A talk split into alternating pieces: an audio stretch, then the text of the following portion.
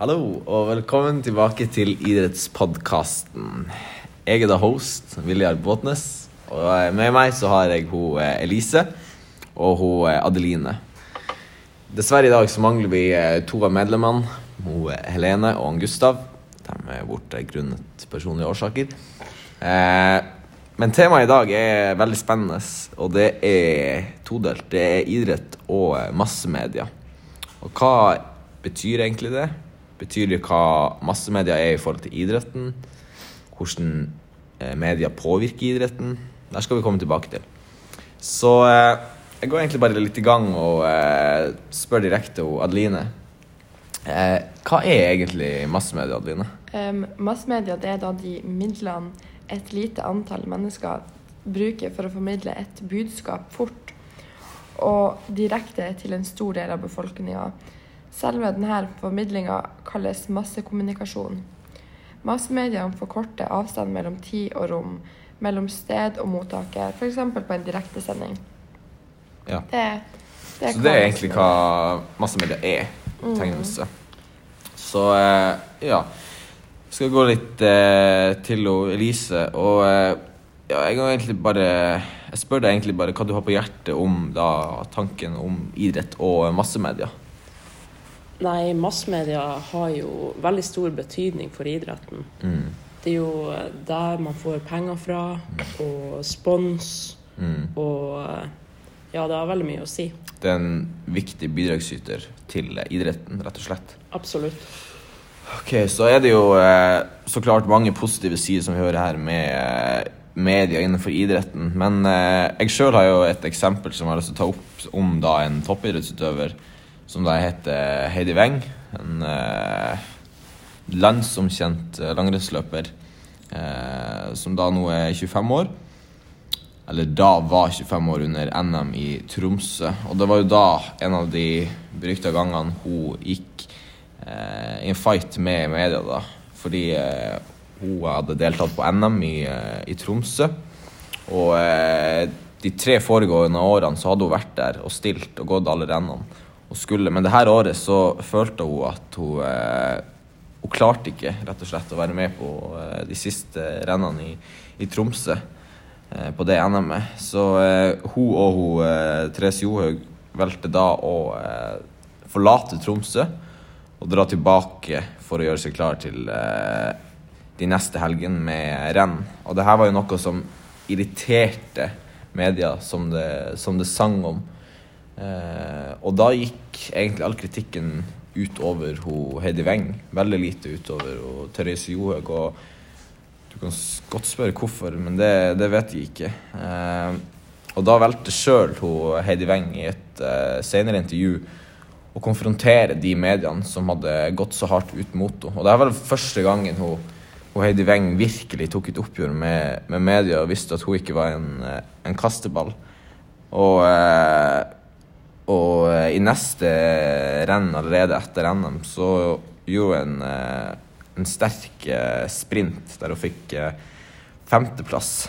Der da Maiken Caspersen Falla vant. Og Elise, syns du at mm, media er for streng eller for hard mot enkelte utøvere? Sånn et kort svar på det.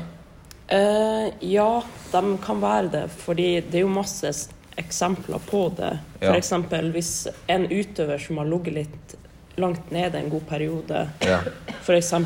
eh, får eh, en ikke så bra plassering, Ja.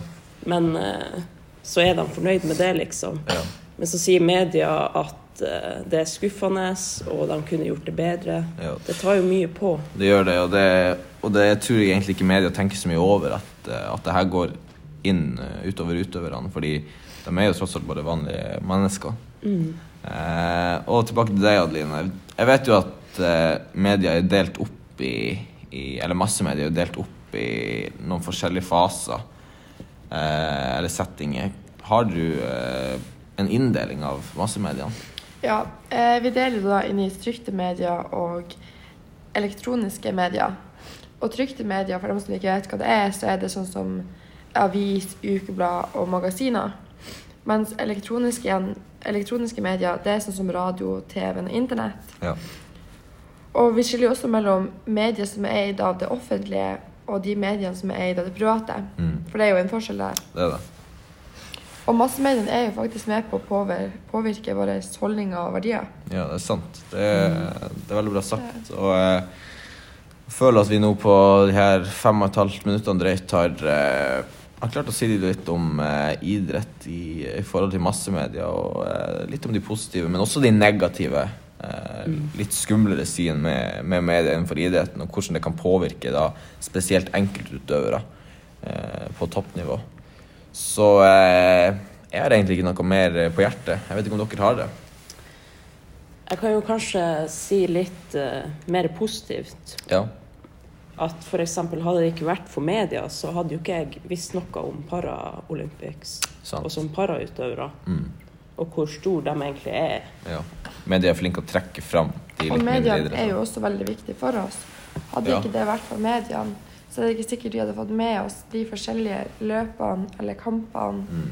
eller uansett. Ja. Mm. At de er så, de er så veldig viktige for ja, de er, de er raske og oppdatert på, på de fleste idrettene rundt om. Men samtidig, som vi nevnte tidligere, så er det jo også mye negativt med det. Sånn som det at de Mm. kan gå veldig hardt ut mot enkeltpersoner helt plutselig. Mm. Mm. Sånn uforventa, Ja. og kanskje litt urettferdig for noen. Ja, for uh, Heidi Weng har jo i senere tid sagt at hun, eh, at hun sliter med angst etter da de mange mediekonfrontasjonene hun har fått mot seg. Hun har eh, ofte gått til psykolog. Men hun har nå sagt i eh, senere tid, i 2020, at eh, at hun har klart å overvinne den frykten over media. Men hun er heller ikke noe kjempeglad i å stille seg først i rekka når det skal være et intervju eller noe som helst med en journalist. Så det sier jo bare litt hvor vanskelig det kan være psykisk for en toppidrettsutøver som allerede skal ha psyken i god hold. Mm. Absolutt. Ja. Så eh, da tror jeg egentlig vi bare runder av der. Ja. Da vil jeg bare si eh, takk for oss, eh, og så håper vi ses en annen gang. Ha det bra. Ha det. Ha det.